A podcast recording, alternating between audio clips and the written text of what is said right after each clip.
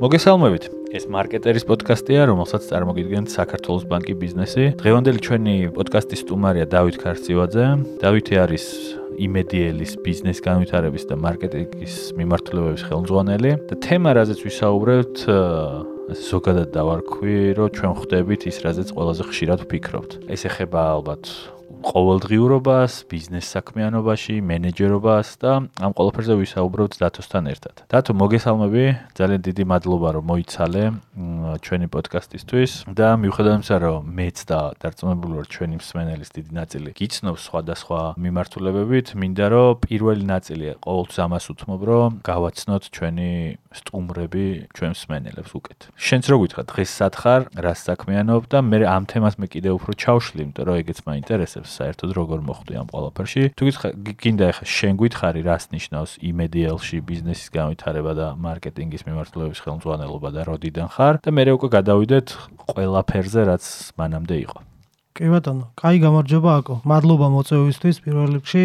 აა ეხა ვარ იმედიელის ბიზნესის განვითარების და მარკეტინგის გუნდში და მინდა რომ ის კომპანია რომელიც თქვა საქართველოსში ფოკუსირებული არის ჯანმრთელობის დაზღვევაზე, ერთად განვავითაროთ. ეს ეს სფერო. და ვთქვათ ამ განვითარებაში მარკეტინგს აქტიური წვლილი კონდეს ესე ვთქვათ რა. ეხლა ზოგადად რო თქვა ამ კუთხით მუშაობთ იმედიელში და ამავე დროს ბიზნესის განვითარებაში ვეძებთ ახალ შესაძლებლობებს რაც ერთი შეხედვით შეიძლება ჩანდეს კიდეც დაზღვევაში ან შეიძლება მომიჯნავე მის მომიჯნავე სფეროში იყოს კიდეც.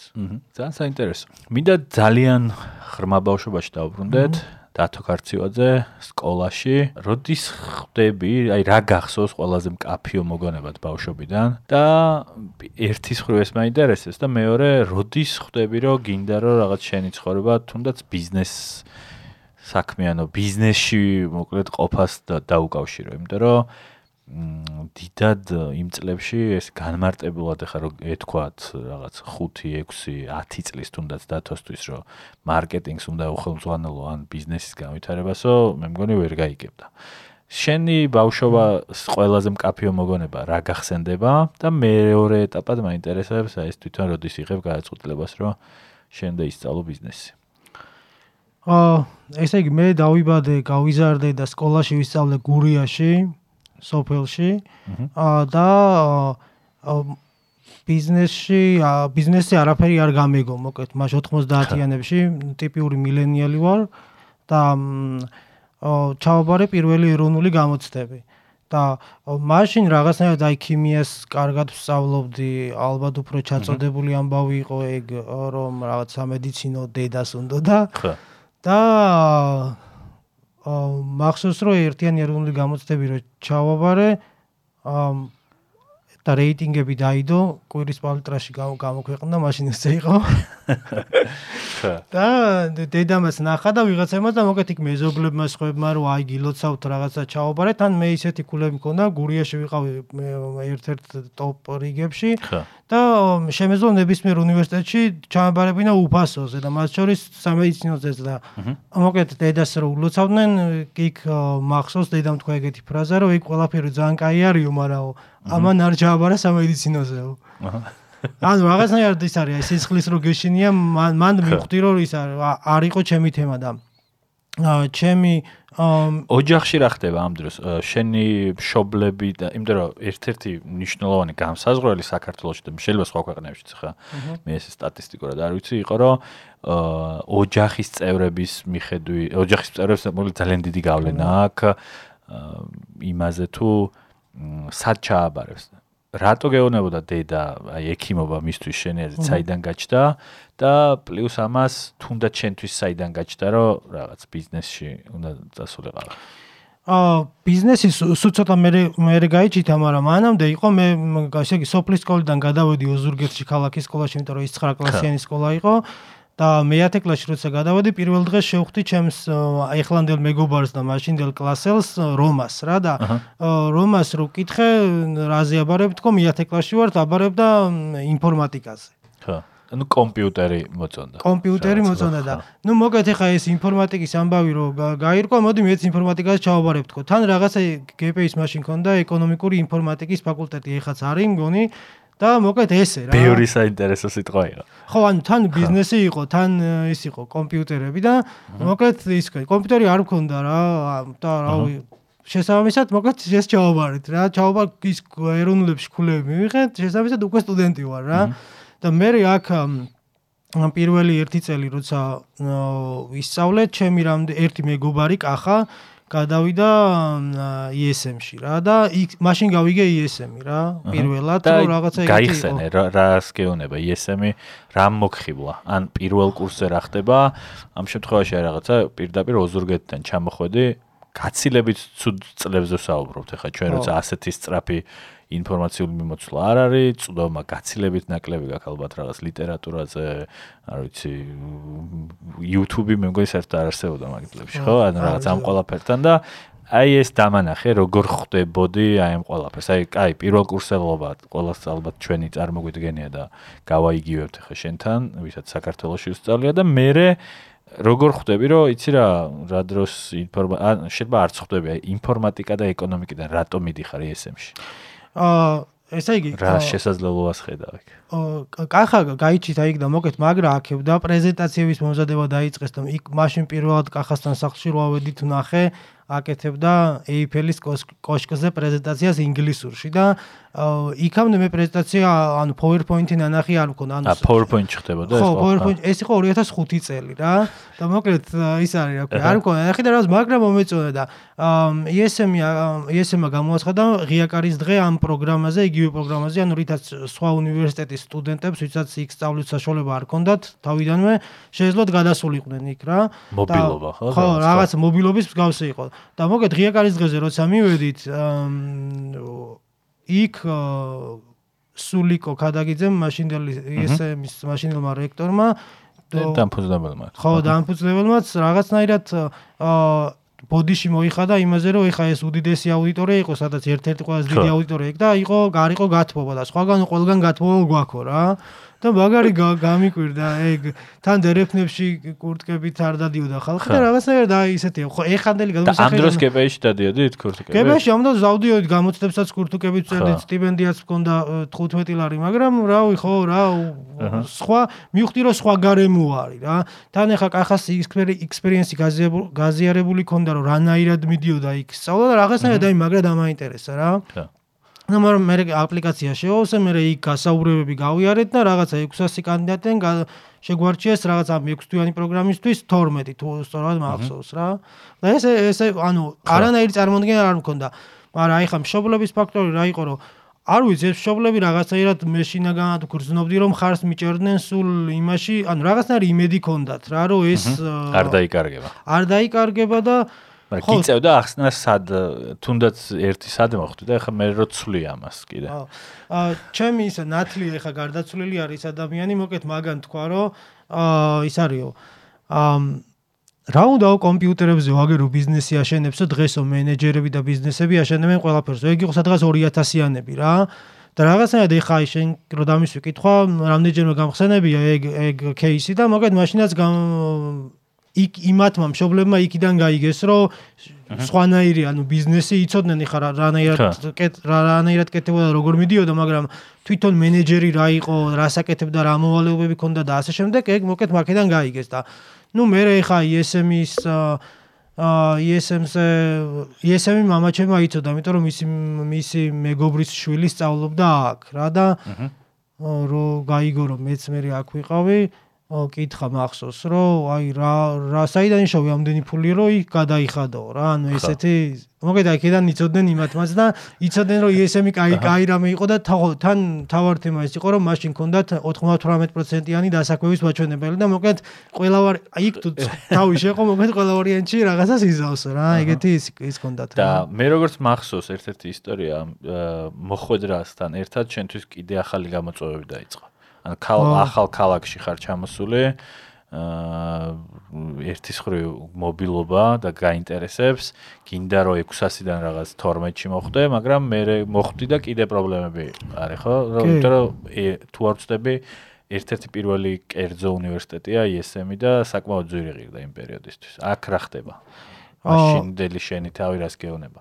აქ ხდება ის, რომ ესე იგი ამ 6 თვიანი მობილობის პროგრამის შემდგომ, ესე იგი 4 4 ტოპ 4 სტუდენტი ღებულობდა დაფინანსებას სრულ დანარჩენ 3 წელზე და აა სრულ სწავლის დაფინანსებას ესე ვთქვა და დანარჩ მე-5 მე-6 და ასე შემდეგ შეეძლო რომ სესხი აიღო რა. ხო და მე მოკეთ გავიჩითე მე-5 ამ რეიტინგში. და შინაგანად ვიცოდი რომ რაღაცა არ ვიცი რატო არანაირი რაციონალური საფუძველი ამისი არ არსებობდა, მაგრამ ვიცოდი რომ ISM-ში გავაგრძელებდი სწავლას რა და სანამ სწავლა დაიწყებოდა მანამდე ჩამოვედი რომ შევხვედროდი სულიკოს ამ დაფინანსების საკითხზე. აქ შენი თავისი მედი გააქვს უკვე? რაღაც ასეთ გადაწყვეტილებას ხო რაღაცა საკამდე მშობლებს მიმართავთ, რომ იცი რა მოხვდი და გადასახდელია. შენ გადასახდელთან ხარ აგ, მაგრამ პირდაპირ პირველი კურსელი იძახი რომ მე თვითონ დაველაპარაკო რექტორს. მშობლებს არ ქონდათ, ანუ იქ ხო ვიცოდი რომ ეგ თან ხარ არ იყო და გურიაში არის სახელი. ხო არ გახსოვს რა თანხებზე საერთოდ საუბარი, მაგრამ მაშინ 15 ლარი რო ახსენე, ესე იგი იმ დროს ვიღაცას მიაჩნდა რომ თვეში 15 ლარად სტიპენდია არის ეგ ისე და ამასობაში რა ღირს სწავლა კარგ უნივერსიტეტში. სადღაც 6-7000 იღირდა მაშინ ISM-ში სწავლა. ლარი, ხო. აჰა. და ხო მაშინდელი ცოტა ისე ძალიან ის არის და ნუ მოკლედ მე ბატონსულიკოს რო შევხვდი დაიწყო მოლაპარაკებები ბანკებთან და მე ESM-ში ვამდგომლობით იქ რაღაცა აა ნიშნებით და ესე შემდეგ საშუალო ქულებით მოკლედ ერთ-ერთ ბანკთან შევთანხმდით და ესე დაიწყო ჩემი სწავლის დაფინანსება ამ ბანკმა იმ პირობით რომ დავამთავრებდი ISM-ს მერე უნდა დამეწყო ამ სესხის გადახდა. ნუ მანამდე ჩვეულებრივ პროცენტებს ვიხდიდი და ამაში უკვე მშობლები ეხوارებოდნენ, ხო, რა თქმა უნდა. პირველი სესხი სწავლას მოახარე შეიძლება. პირველი სესხი სწავლას. და საინტერესო ეს პირველ სესხს ადამიანები რისთვის იღებენ? რაღაც ხო არის ყველაზე ხშირად მობილური და თან რამდენს იღებენ მაშინ? და საინტერესო. ანუ პრინციპში ძალიან მნიშვნელოვანია რომ ესეთ პატარა აა ნაბიჯებით როგორ შეიძლება ადამიანმა შეცვალოს მერე მთელი ცხოვრება და კარიერა. შემდეგ რა ხდება შენ ცხოვრებაში? ეს ერთის ხრივ გახსოვს რომ სესხი გაგაღებული კი ბატონო, გეყო იმის რაღაცა უნარები, რომ ჩაგებარები და გამოცდები მოხდი ESM-ში. ESM-ში ყოფნაც არ იყო მაშინ მარტივი. მე რა ხდება? მე არ ნანობდი ამ გადაწყვეტილებას ეს ო მან იყო ერთი ძალიან ანუ პირველი ერთი კვირა როცა იმ პროგრამაში ვიყავი ძალიან ის იყო რა კრიზისული პერიოდი ჩემ ჩემთვის რა გაგებით რომ აქეთ ხარ GPA-ის წარჩინებული სტუდენტი სტიპენდიით ამბით და ძალიან დიდი ძალისხმევა მიწევდა ნუ მაშინდელი SM-ის პირველი კურსი უნდა დაგვეთო გაგვევლო 6 თვეში და ძალიან დიდი ძალისხმევის გამოჩენა დროის მიწევდა და აი გავგაჩავდი თუ არა არ ვიცოდი. რა და მოკეთ ერთი კვირის თავზე ვიფიქრე რომ მეთქი ხო არ დავანებო თავით და მახსოვს კახას დაურეკე რა. კახა შენ მეგობარი. იქ სწავლობდა და კახას დაურეკე და უთხრა რომ თავის დანებებას ვაპირებ თქო რა. და აი გიჟი ხო არ ხარ რა რას უნდა დაანებო თავი? იქ უკან მიბრუნება არ შეიძლებოდა მოკეთ კახა მესე ამიხსნა და ერთი ხუთი წუთი ვილაპარაკეთ ესე მახსოვს და მოკეთ გადავიფიქრე რა და მე გავყევი აი გავყევი და გავყევი. ეს იყო რაღაცნაირი ისეთი რა tipping point რაღაც მნიშვნელოვანი წერტილი რომელსაც გადავაბიჯე და მოკეთ მე იქეთ გადავედი რა. თან ოჰო ეხა აქეთ წარმატებული სტუდენტი აა ყველა გაგებით რაც მაშინ მნიშვნელოვანი იყო ჩემთვის და იქეთ რა გამოვა კაცმა არ იცის. მაგრამ რაღაცნაირად აი არ ვიცი გულის ხმა და ისინი მაშინ არ ვიცოდი მაგრამ რაღაცნაირად გავყევი ჩემ თავს და ვენდე რა.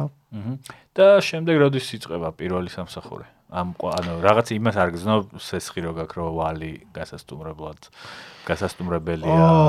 მაგ დავინახე როდის მაგალითად მესამე კურსიდან იწყება პირველი სამსახური მაგრამ თქვათ მესამე კურსიდან ან მეოთხედან უფრო როცა ჩემი მეგობრები და ჯგუფელები თქვათ დასასვენებლად მიდიან ან სადღაცას უცხოეთში ო მე მუშაობ იმისთვის რომ სესხი გადავიხადო რა ანუ ისინი ამ თან ხო ჩემ პირველი სამსახური ძალიან ისეთ სტაჟირებაზე ვიყავი კინოთეატრები რუსთაველი და ამირანის ფინანსების განყოფილებაში რა და ეს იყო მე მგონი 2009 წელი გაზაფხული და მაშინ მე რეაქციები დაემთხვა და მოკეთ ორი თვე თუ რაღაც ძალიან მოკლე პერიოდი ვიყავი იქ და მე დაიკეტა ეს კინოთეატრები და შესაბამისად მე ხო მე ჩემი სამსახურიც პირველი პირველი ხელფასის აღება მოვასწარი ოღონდ ისიც ეს უცნაურად 200 ლარი და მესამე კურსზე და მე მოკეთ მე მეოთხე კურსზე დავიწყე უკვე აა დეველოპერულ კომპანიაში სტაჟირება ესე ვთქვათ. ძალიან საინტერესო. კი ბატონო, ასე მოკლედ მეტნაკლებად მიმოვიხილეთ, ახლა დეტალებში შეგვეძლო კიდე წასვლა და ამის შემდეგ შენ უკვე აქტიურად ჩდები კორპორატიულ სამყაროში, ამასაც შევეხებით, მაგრამ ერთ-ერთი ფრაზა არის, რატომაც მინდა რომ დღევანდელი ჩვენი საუბარი რაღაც მენეჯმენტ შეეხოს და მენეჯერებს და ლიდერებს და ლიდერშიპს, იმიტომ რომ შენ ამ თემაზე ბევრს ფიქრობ, ბევრ ტრეინინგს ესწრები, ბევრ წიგს კითხულობ, მათ შორის არის როგორც ახლა ჩაწერამდე ვისაუბრეთ, რაც ჰარვარდის ჩვენი ქართულად გამოცემული ყველაფერი წაკითხული გაქვს. ერთ-ერთი ფრაზა მომხდა ყურში, რასაც რასაც ფიქრობ რომ დავარქვათ თლიანად ეპიზოდს, არის ჩვენ ხვდებით ის, რაზეც ყველაზე ხშირად ვფიქრობთ. სად გაგიჩნდა, სად გაჩნდა ეს ფრაზა, სად მოისმინე ან როდის მოგინდა აი ეს იმდენად იმოქმედა შენზე რომ ეს რაღაცა ხშირად გითქვამს? იმიტომ რომ შენ ის ადამიანი ხარ, რომელიც უამრავ ლიტერატურას თუ ტრეინინგს თუ სემინარს თუ ლექციას ესწრება და დარწმუნებული რომ ბევრი სხვა ესეთი ფრაზა მოგისმენია, მაგრამ რაღაც აი ეს ჩვენ ხვდებით ის, რაზეც ყველაზე ხშირად ვფიქრობთ. სად გაჩნდა ეს რომ მითხრა და როგორ ესადაგება ეს რატო ფიქრობ ასე თუ ასე ფიქრობ? აა მაგ ფრაზა, მაგ ფრაზას აქ წინა წინარე ფრაზაც ესე ვთქვათ რა. აა წინარე ფრაზა არის ჩვენ ის ვართ, რასაც ვაკეთებთ.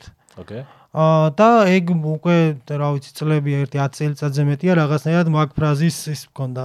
აჰა. ძალიან მომეწონა თავიდან და მე აა აი ესე რომ სადღაცა წავიკითხე აღარ მახსოვს და მომეწონა რომ აი შინაგანი ფასეულობები აჰა ჩვენი ქცევა, გადაწყვეტილებების მიღება თან ბიზნესში გვიწევს აა ეგრეა მენეჯერის ერთ-ერთი მოვალეობა რომ რთული და არაპოპულარული გადაწყვეტილებები მიიღოს. ვიღაცა სამსახურიდან უნდა გაუშვა ვიღაცა აიყვანო შედეგები დადო ისე შემდეგ.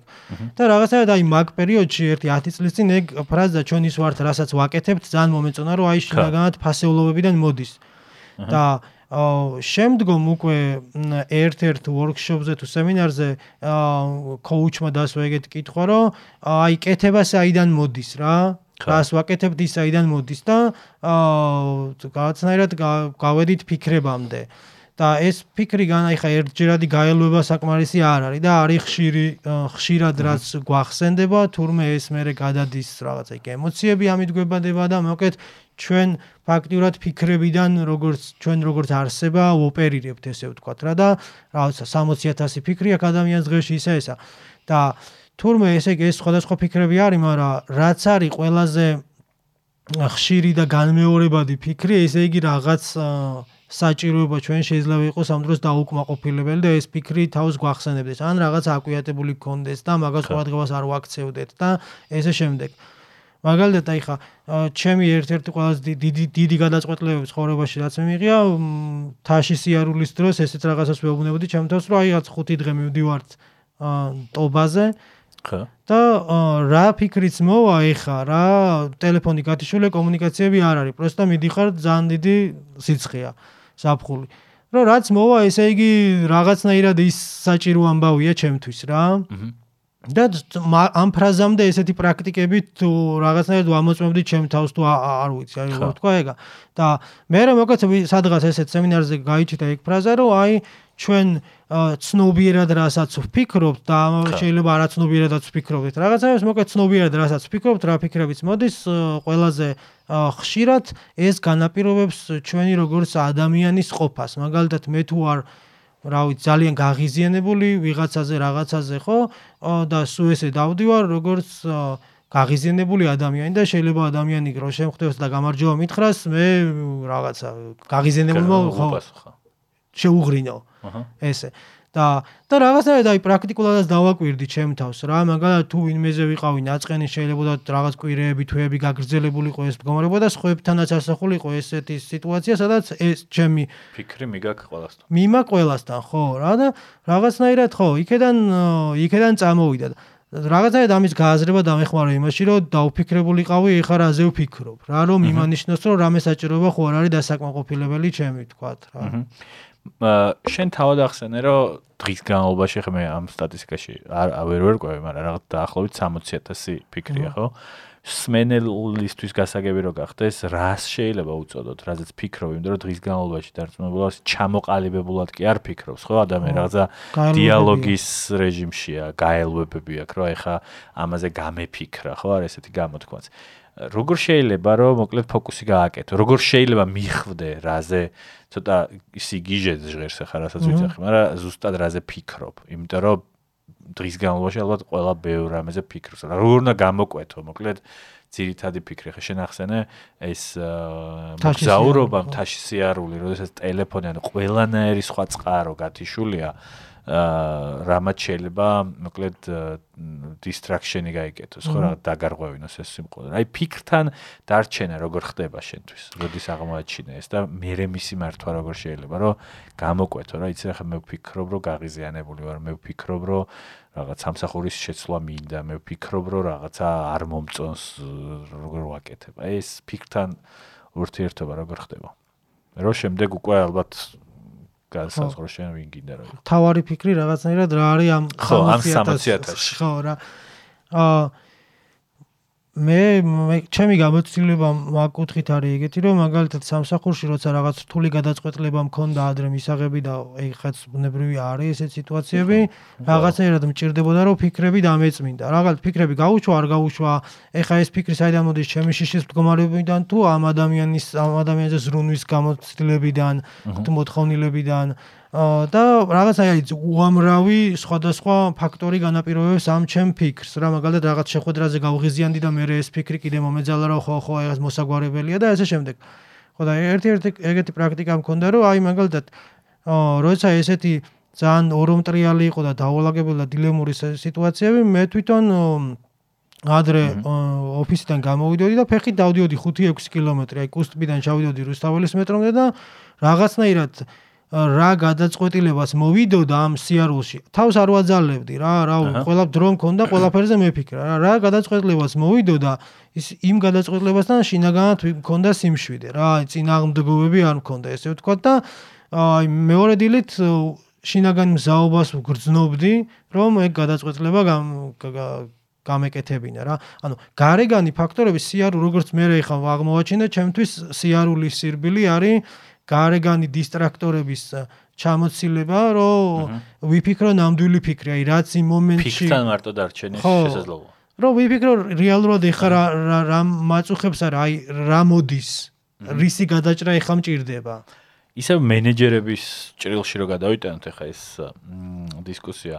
შენი დაკვირვებით, იმიტომ რომ შეიძლება ამას ბევრი წელი აკეთებ, ხო, რაღაც თავიდან იყო, რომ გჭირდებოდა 5-6 კილომეტრი. ხო არ შეიძლება ამ დროს ადამიანის ფიქრის უნარები, არ ვიცი ესეთ რამე თუ არსებობს, გაუმჯობესდეს და მოკლედ შემოკლდეს ეს მანძილი, აი გჭირდებოდეს რაღაც 5 წამი, ან 1 წუთი, რომ მოკლედ აი ეგეთ, იმიტომ რომ ფაქტიურად ახლა ჩვენ მე რას ვცდილობთ დავაკავშირო, რომ მენეჯერები, ვინც ჩვენ გვისმენენ, რომელსაც რაღაცა არ ვიცი რაღაცაზე არიან პასუხისგებლები ადამიანებზე ან პროცესებზე ან რაღაცებზე. მათ ყოველდღიურად უწევთ ბევრი გადაწყვეტილების მიღება და ხშირად უთქვამს. ადამიანებს რომ ფიქრისგან დავიღალიო. და სინამდვილეში შეიძლება იმიტომ იღლება რომ ამ ფიქრის დროს არის რაღაცა ესე თუ ისე სცენარების განვითარება მერყეობები აი ამ ამ ტექნიკებმა ხო არ შეიძლება შეამციროს მოკლედ დრო გადაწყვეტილების მიღების ხო? საბოლოო ჯამში ეს რაღაც ხრი შენ ის ხარ, რაზეც ფიქრობ, მაგრამ საბოლოო ჯამში რაზეც ფიქრობ თუ მოიფიქრე, რომ ეგ ხარ თუ რაღაცა გადაწყვეტილებამდეც მიდის. გადაწყვეტილებამდე უნდა მიხვიდე რა. აუ, თუ აკვიატებული ფიქრები გაქვს, ეგ სულ გამყოფებს რაღაც თავდაცვის ან თავდასხმის რეჟიმს, გადარჩენის რეჟიმს ვეძახი მე მაგასთან, სულ ამ რეჟიმში ხარ, რომ რაღაც გადარჩე ვიღაც რაღაც დაუნტკიცო, გააკეთო ისა ისა. ანუ და მაგისტვის აი უფრო მოკლე პრაქტიკები არის, რა ვიცი, სუნთქვებიდან დაწყებული. აჰა. აა გასეირნებით უფრო მოკლე მანძილზე გასეირნება შეიძლება, წყლის დალევა შეიძლება, ანუ მე ჩემ თავს რო ვაკვირდები, ერთ-ერთი თავარი ფაქტორი არის, რომ დააფიქსირო, რომ რაღაცა ძალიან ბევრს ფიქრობ, ან ძალიან ორომტრიალი გაქვს თავში, ან რაღაც. აი, თავარია დააფიქსირო და როგორც კი აი იმ დაფიქსირების მომენტიდან თუ მზაობა მაქვს, ვიწყებ მაგის მოგვარებას, რაღაც სწორფიქს. ხო, ვიწყებ სწორფიქს, რომ აი ხარ რაციონალურად ეხა მე ხო არ ხო არ მშია და მაგიტო ხო არ ვარ გაღიზიანებული. ან რაღაცა, რა იმან რო ესე მითხრა, მაგიტო ხო არ ვარ გაღიზიანებული. და რაღაცნაირად ჩემ შიგნით შემოვაკ ანუ ვიღაც ხებს არ რა ვცდილობ რომ არ დავაბრალობ მაგასაც წავლა უნდა ეხა მე ბევრი წელი დამჭირდა მაგისაც წავა და ჯერაც არ მაქვს ეგ ბოლომდე ესე მგონია ნასწავლი მაგრამ აი როგორც კი სხვებისკენ ვიშვერ ხელს, უფროსმა ეს მითხრა უნცროსმა იმან ამან, ჩემ თავი გამყავს პასუხისმგებლობიდან გარეთ. რაღაცნაირად აი ამ ფიქრზე უნდა ავიღო 100%-იანი პასუხისმგებლობა რა. ანუ ჩემ თავში რა ფიქრის მოდის, არის მარტო ჩემი პასუხისმგებლობა. და ბრავი, მე შემიძლია რაღაცნაირად თავი დავიმშვიდო რაღაც ტექნიკებით, სიარული იქნება ეს თუ მედიტაცია თუ რა ვიცი, წყლის დალევა და მაგ დამშვიდებულ მდგომარეობაში რა ფიქრიც მოვა, ესე იგი ეგ არის. ე მაგ საკითხია მოსაგვარებელი რა. და თან შვიდად რო ვარ უფრო უკეთ ვაგვარებ ამას ვიდრე პირიქით.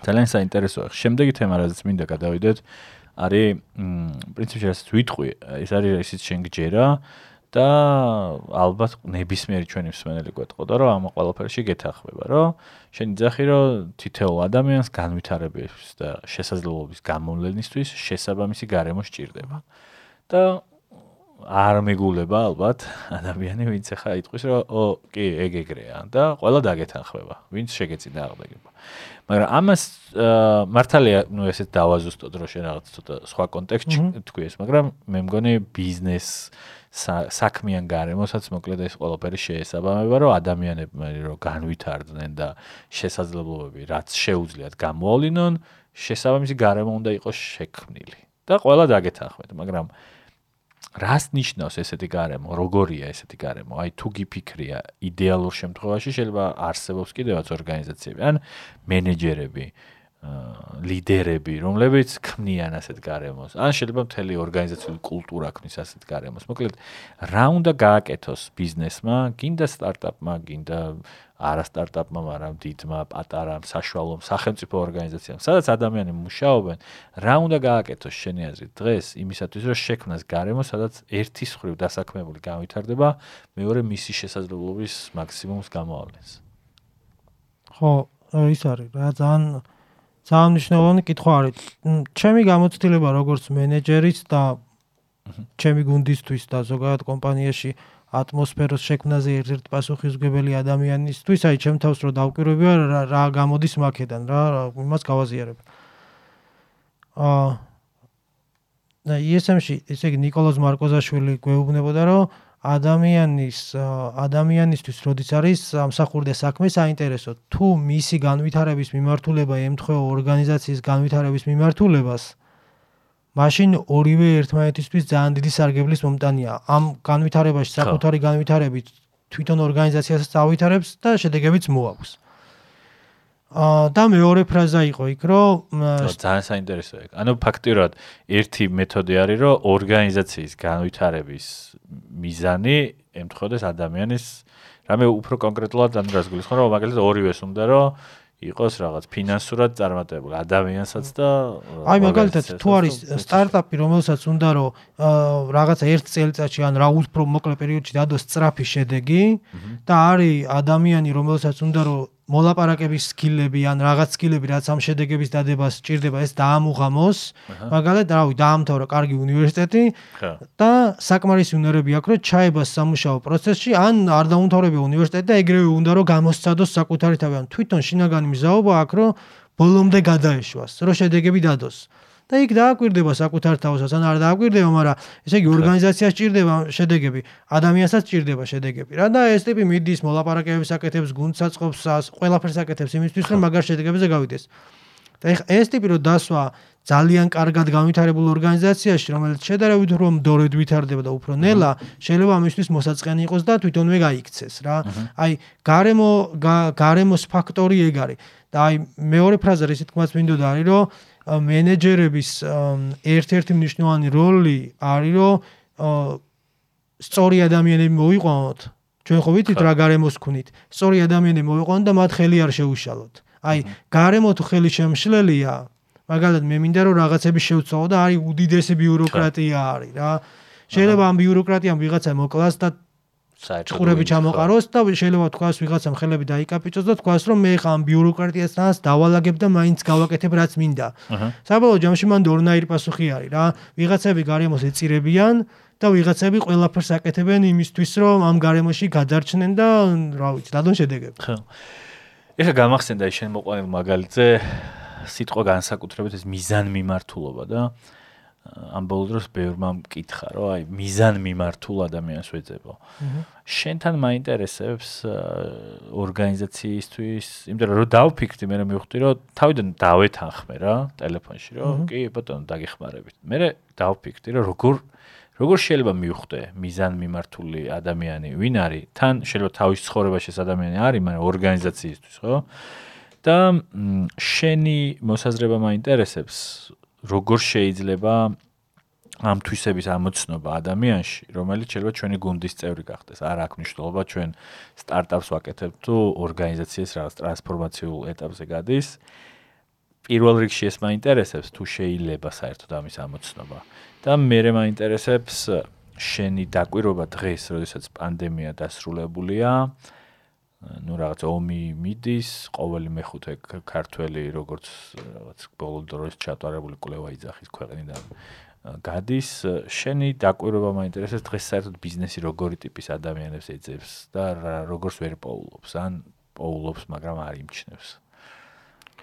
აა მე მგონია რომ აი ბიზნესის ოუნერები, მენეჯერები ან ლიდერები როცა ამბობენ რომ მიზან დასახული ადამიანი გვინდა, აჰა აა ჭირდება ესე იგი თვითონ ხედავენ რაღაც შესაძლებლობას თვითონ ამის გაკეთება არ უნდა თან ეზარება თან კომპეტენცია არ ყოფნით ან ასე შემდეგ მაგრამ ხედავენ რომ ბიზნესისთვის შესაძლებელია და ეძებენ ისეთ ადამიანს რომელიც იქ დატრიალდება და რაც საჭირო იქნება იმას გააკეთებს რომ კონკრეტული შედეგი ის შესაძლებლობა აითვისონ და შედეგები მიიღო რა. ა ეს ერთის მხრივ გულისხმობს იმას რომ მანდა მაინც რაღაცნაირი გაიდლაინებით მოსიარულე ტიპი არ ჭირდებათ. ჭირდებათ ცოცხალი ადამიანი, რომელიც თვითონ მოაგვარებს ბევრ რაღაცას, რაც მოსაგვარებელია და საბოლოო ჯამში ორგანიზაციას გაიყვანს შედეგებამდე. ანუ ჩემთვის მაგალითად ეგ სიტყვა ასოცირდება, რომ აი ადამიანს აინტერესებდეს რაღაც შედეგებზე გასვლა რა. თუ რიტეილ ბიზნესშია მაგალითად რაღაც გაყიდვების აწევა თუ რაღაც დეველოპმენტს აკეთებს, რა ვიცი, აი რაც არის შედეგები მოკლედ ამ თითო მიმართულებაში. და ბიზნესზე ესეთი ადამიანები სუჭირდება რა. და სუ იძახის რომ მემჭირდება შედეგები, ალბათ ადამიანი იმან შეიძლება მე გუნდიც აიყვანოს ან ინდივიდუალურად მიაღწიოს ამ შედეგებს და ასე შემდეგ, მაგრამ თვითონ შეიძლება მე ამაში ხელი არ შეუშალონ რა თუ დაინახეს შედეგი, მეც მქონი ეგეთი გამოცდილებები სამსახურში, რაღაც უცნაური გადაწყვეტილებები რომ მიგვიღია უცნაურად ჟღერდა, მაგრამ როცა შედეგები დაიდო, მე გვეუბნებოდნენ, რომ რა ვიცი, რამდენი გჭირდებათ კიდე რომ ეს გაიზარდოს რა. ანუ ბიზნესისთვის პირველი ალბათ არის ესეთი შედეგები რა. შედეგი უნდა დაიდოს, რაც არის განსაზღვრული შედეგად და მე რენდობა წყალიბდება ალბათ ფლობელებისგან თუ მენეჯერ მენეჯმენტისგან, რომ მოგცენ თავისუფლება, რომ შენ შენ მოირგო ესე ვთქვათ, ის გარემო, შენ შექმნა გარემო აწყო და გამართო და ახალი შედეგებისკენ დაიძრა ისევ რა. აჰა.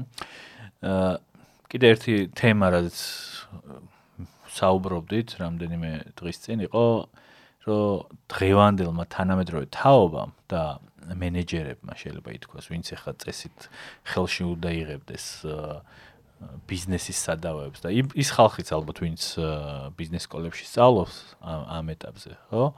თითქოს გადაიაზრესო წარმატება. ეს ეს კონცეფტი მე რაღაცა არა მარტო საქართველოს შემოხდრია, ამაზე საერთაშორისო მათ შორის ჰარვარდი წერს ხოლმე. რას გულისხმობ ამაში, რომ როდესაც დათო იწებდა ფიქრს, რომ ESM-ში უნდა მოხდრილიყო თუ ნებისმიერ ბიზნეს სკოლაში. შეიძლება მისთვის და მისი გარემოცვისთვის ახლობელი ადამიანებისთვის იყო რომ წარმატებული გახდება და ამ სიტყვის პირდაპირ მნიშვნელობა საერთოდ არ მიყვარს ეს სიტყვა იყო რომ წარმატებული slash ანუ ნიშნავდა რაღაც ფულს იშოვის დღესდღეობით ჩვენ ხვდებით უკვე ადამიანებს კონკრეტული ისტორიით, ბექგრაუნდით, რომლებიც იძახიან, რომ მე ფული კი ვიშოვე და თქვენ რასაც ეძახით, რაღაც წარმატებული კარიერაც კი მქონდა.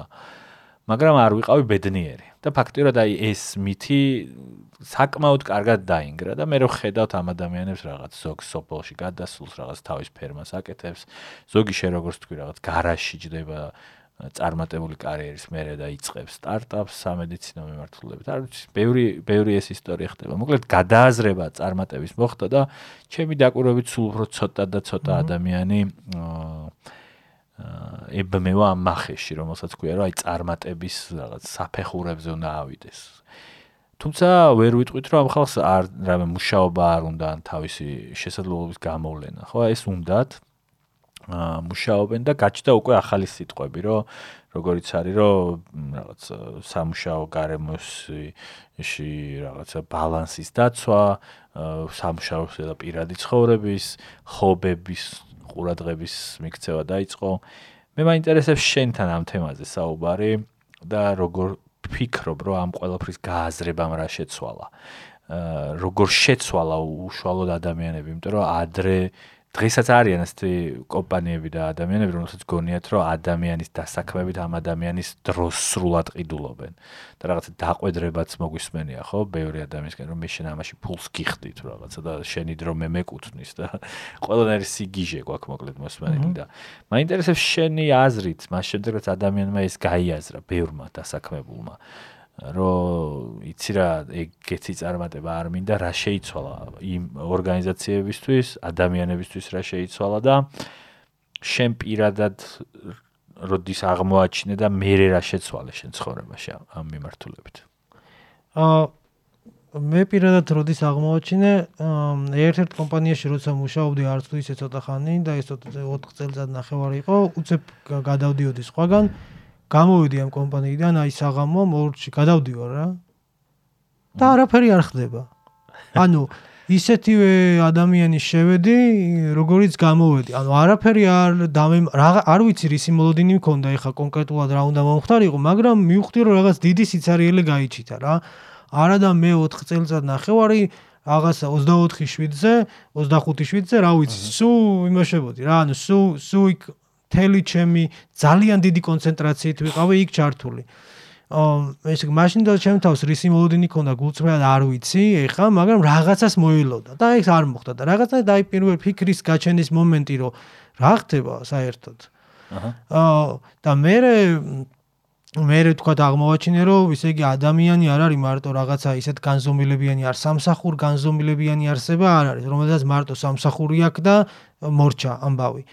და რაღაცა არის აუცილებელი ანუ ვიღაცამ თქვა ამასინათ რომ ჩვენ არ ვართ შექმნილი იმისთვის რომ მაგარი მანქანა გქონდეს მაგარი სამსახური და რაღაცა ტელევიზორში გამოჩნდეს წელიწადში რამდენჯერმე. და შეიძლება ადამიანის დანიშნულება საერთოდ სხვა რამე იყოს რა.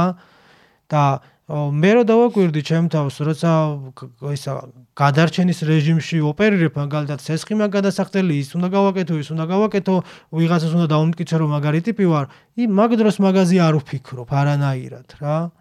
და აა რაღაც ხაფანგივით არის. ხაფა ჩაკეტილი წრესავით არის რა და სანამ კარგად არ აილეწები და არ გამოგაგდებს ეს წრე გარეთ რაღაც დროს იქამდე მე ყოველ შემთხვევაში ვერ გავაცნობიერე რომ 24/7-ზე მუშაობა არ არის თემა რა.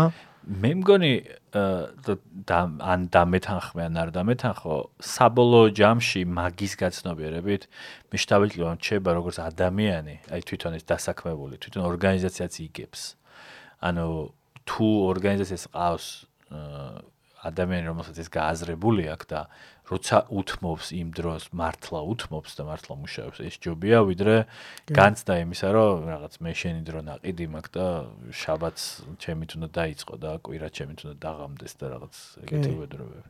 აა მე რაც დავკვირვები ვარ ჩემ თავსაც და ახალ თაობასაც რომელიც ახლა სამუშაო ძალად მოდის ჯენზეტი აა რაღაცაერთ მე ხო ეხა რაც მოვყევი პრაქტიკული გამოცდილებიდან ისქენ ვიძახი ამას და რაღაცა და ამათმა შემგონ რაღაც თავიდანვე თავიდანვე იციან რა.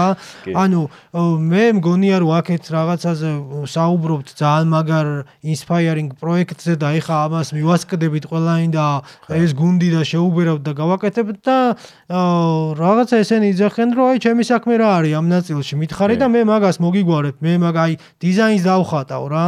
არა და ეხა მე მეგონა რომ სამკაცთან რომ გავაზიარე ვიღაც დიზაინს დახატავ და ვიღაც აი ანუ გუნდი არის რა. ყველა ერთმანეთს დაეხმარებოდა. იმან თქო რომ მე რავი ჩემი მითხარი დიზაინის გაკ ჩემი მითხარი დიზაინის გაგიმზადე description-ი მომეცით იმედია შაბათს არ მოგვიწევს და ხო.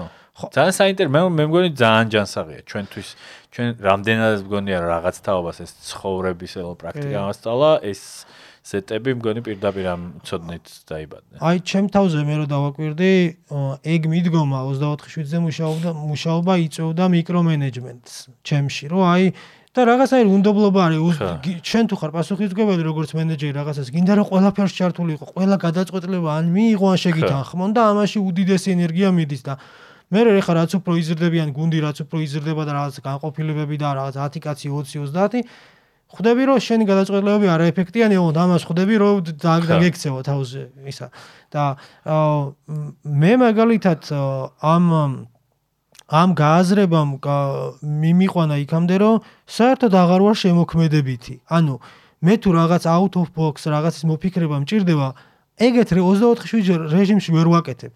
და ნუ მე აღმოჩნდა რომ ნეირომეცნიერულად ეხა ეგეთ სტრესში რო ხარ, სტრესი იწვევს მაგ 24/7 მუშაობას და რაღაცას ამტკიცებ და იქ ბედნიერების ჰორმონი არ გამოიყოფა და ადამიანის ტვინი ვეღარ მოდის შემოქმედებით მდგომარეობაში და სულ გადარჩენის რეჟიმში არის და შესაბამისად მაგარ გადაწყვეტილებებსაც ვეღარ იღებ რა. და მე ანუ და მაგ მაგის გააზრებიდან და გაცნობიერებიდან წამოვიდა ის რომ აი ჩემთვის მაგალითად ის რა არის დაბალანსებული ცხოვრება. აჰა. და მე რა უკვე იწება მთლილად. ხო, რავი, ხა მაგალითად ჩემ შემთხვევაში იყო რომ რავი, კერამიკაზე თიხაზე მუშაობა ხო არ მეცადა. აჰა. სადე? მოგზაურობები გეტყვი მაგას ხა. მოგზაურობები რომ იყოს მაგას ძველ ციხესიმაგრეებზე ვაუდიოთ იქ რაღაცა სუ მხიბლავ და აი ჩვენი ქართული ჭიქუ რომელიც 1000 წლის წინ გააკეთეს და დღემდეა შემორჩენილი და რამდენმა წვიმამ გადაუარა ხო? და რავი ხო არ მე არაფერი არ ვიცოდი ეხა როგორც ლაპარაკობ. ჭიქურით ეხა მეტი არაფერი. ხო არ მეცადა თქო და მე მე მოკეთ ერთ-ერთ ეგეც იმაზე რა ქვია კოუჩინგ სესიაზე და სემინარზე თქვი რომ რა კოუჩის დახმარებით მითხა რომ აი რა გჭირდება რომ გააკეთო თქო ეს ფიქრი მაქვს 1-6 თვე აი ეს ფიქრებზე რო საუბრობდით ისეთი ფიქრია დამყვება რა თან რომ ვაკვირდები ენერგიასაც მაცლის ეს ფიქრი რომ აუ იმას არ ვაკეთებ არ ვაკეთებ. რა გჭირდება და მივხვდი რომ არაფერი რა პროექტა დავსე აი ამ შეხვედრის მერე დავსერჩე ნახე რამდენიმე სტუდია დაურეკე საღამოს მივედი და მეორე საღამოს დავიწყე ჭიქა გააკეთა. თიხაზე პლანეგრი არ ყოფილა, მაგრამ პლანეგრი არ ყოფილა, მაგრამ დაიწყე თიხაზე, ისა, თიხაზე მუშაობა და ხო, რავი, რომ აი რო ვაკვირდებოდი მაგალითად მაგარი გაღიზიანებული გამოდივარ სამსახურიდან შვიცაზე და მივიდიოდი 7-დან 9-მდე დავდიოდი, ეხა გაჩერებული მაქვს ეგ პროცესი, დავდიოდი და პანდემია დაემთხვა ყველაფერს, მაგრამ მაინც პირბადით დავდიოდი და რო ვაკეთებდი და აი გამოდიოდი სრულიად განსტრესილი. ხო. ანუ refreshed ვიყავი, აი უდიდესი ენერგია მქონდა რა. და ნუ მე ხა რომ თვითონ პროცესი რა ხდება მაგ დროს ჩვენ შინაგან სამყაროში რომ ეს ბრაზი გამოდის და გადადის და ვიცლებით და მოტორიკა და აი ხა. მაგის ახსნა რო არ დავიწყოთ მოკლედ რა ერთგვარი თერაპიული პროცესი აღმოჩნდა რა. და ნუ ვიღაცისთვის დიხარი ვიღაცისთვის სერნო ვიღაცისთვის ვარჯიში ვიღაცისთვის სულვა რაღაცნაირად თავარია რომ აი ჩვენ ცხოვრების მოცემულ ეტაპზე თუ ეს იცვლება მივაგნოთ ეგეთ აქტივობას და გავბედოთ რომ ჩვენ თავს მივცეთ უფლება რომ ეგეთ რაღაცები გავაკეთოთ რა და ის არ ვიფიქროთ რომ ეხლა მე რო შვიდზე გამოვედი რამე ხო არ დააკლდა ჩემს ამსახურს რა. რამე ხო არ დააკლდა? ძალიან მაგარი კითხვა არის მაგრამ მაგაზე შეგიძლია რომ იზრუნო როცა იქ ხარ მაშინ რა. იზრუნო იმ დღეს მეორე დღეს რავი მე რო ეგ ვიფიქრე და გამყვა ეს ფიქრი მე მეორე დღეს დავჯექი რომ ეხლა მე რა უნდა გავაკეთო რომ კიდე აღარ გამყოს ეს. და დავიწყე მოგვარება მაგ საკითხის რა ანუ მე მგონი არა ჩემ შემთხვევაში ერთ-ერთი ძალიან მნიშვნელოვანი გაცნობიერება იყო რომ თუ მე შემოვიდ ნებისმიერ საკითხი რაც მე მაღელვებს და რაც შემთხვევას ხდება მე ვარ ამის მონაწილე და თუ შემოვიტან ჩემ შიგნით ამას და ნაკლებ კრიტიკას, გადაბრალებას დავიწყებ ხებზე, რომ იმის ბრალია, იმან თუდად გამომხედა, ამან არ გამიღიმა, გარემო მხელი არ შემიწყო და რაღაცა. ანუ იმათ თუ არ დავაბრალებ, რაც არ უნდა ხდებოდეს და ჩემ შიგნით შემოვიტან ამას, ვიწყებ რაღაცნაირად მოგვარებას რა. ან ცდას ვიწყებ. აი შენ გიყვარს და მთელი კონცეფცია არის ხო ამისი და რაღაცნაირად აი ზოგ ძალიან ბევრჯერ ცდაც კი ვერ გამიბედავს სანამ ამას არ გავაცნობიერებ და მარტივია ვთქვა რომ რა ვიცი ეხლა რა აი არ ვარ გაი ჩემი გუნდის წევრი იმან უფროსმა არ არ არ მომცა უფლება. და იქნება და მე ვერ დავალაპარაკე კარგად იქნება და მე ვერ ავხსენი ხო და თუ ოდნავ მაინც მეპარება ეჭირო მე ვერ ავხსენი ვიძახი რომ მოდი ვცადო რა შევატრიალო ძალიან საინტერესოა. მეგონი ძალიან ბევრი ფიქრის მოკლედ საწყისი გააჩინე ახლა შენ და ბოლო კითხვით ვარ რომელიც ეხება continuous learning-ი, უფრო გაუგიათ, არ ვიცი ქართულად როგორ იქნება კარგად, მუდმივ განგრძობითი სწავლა განვითარება, ხო ალბათ. მოკლედ ეს არის რაღაც პროცესი, ეტაპი თუ მიმდინარეობა, რომელიც გულისხმობს, რომ ადამიანი მუდამ აგრძელებს სწავლა განვითარებას, იმიტომ რომ ჩვენთან ეს რაღაცა საბჭოთა მემკვიდრეობა მგონია, როდესაც აღქმული იყო, რომ სკოლა, უნივერსიტეტი, მაგისტრატურა გადაბმულად ძირითად შემთხვევაში და ხალხი გვხვდება, რომელიც ამის მერეც იმდენი ცოდნა მიიღო, რომ მუშაობის დაწყება უჭირს და მე კიდე რაღაც დოქტორანტურა და პოსტდოკი და მთელი ამბები მიდის. მაგრამ continuous learning-ი არის, რომ შენ შეიძლება დაიწყო მუშაობა და მუდმივად რაღაცა სკილებს ივითარებ. ერთ-ერთი მიზეზი, რომელიც მე პატარა გამოკითხო ჩავატარე ადამიანებში, რომლებსაც ნახე, რომლებიც გადიან ამ პროცესს და არიან ადამიანებიც არ არ გადიან, ვეკითხებოდი ის იმ ხალხს, ვინც საერთოდ არ გადის და კითხე და აღმოაჩინე, რომ ნაწილი თურმე გადის უბრალოდ საჯაროდ არ ამბობს, იმიტომ რომ მიაჩნია, რომ ეს მის სისუსტედ ჩაითვლება, რომ რაღაც ამხელა ორგანიზაცია მაბარიაო და ეხლა რომ გაიგონ, რომ კიდევ სწავლობო, იტყვიან, რომ ესე იგი სუსტი ვარ. ანუ რაღაცა ესეთი კომპლექსი არსებობს და მეორე იძახის, რომ აა იცი რა, რასაც ვაკეთებ და როგორც ვაკეთებ, მუშაობს, ეხებოდა ერთ-ერთ დიდი ორგანიზაციის მართვას. და ეხლა რო დავიწყო, შეიძლება იმ განათლებამ საერთოდ ხელი შემიშალოს. შენ როგორ უყურებ, მოკლედ უფრო რჩევა მინდა მივცეთ ადამიანებს პირადად არა რაღაც ორგანიზაცია რო დაგი ორგანიზებს რო რაღაც ტრეინინგს გავდივართ. რაღაც რაღაც ესეთი მიდგომას, მუდმივ სწავლა განვითარების მიდგომას. სიბერემდე თუ სიკვდილამდე სწავლა, ხო არის ეგეთი გამონათქვამები საქართველოს. კი.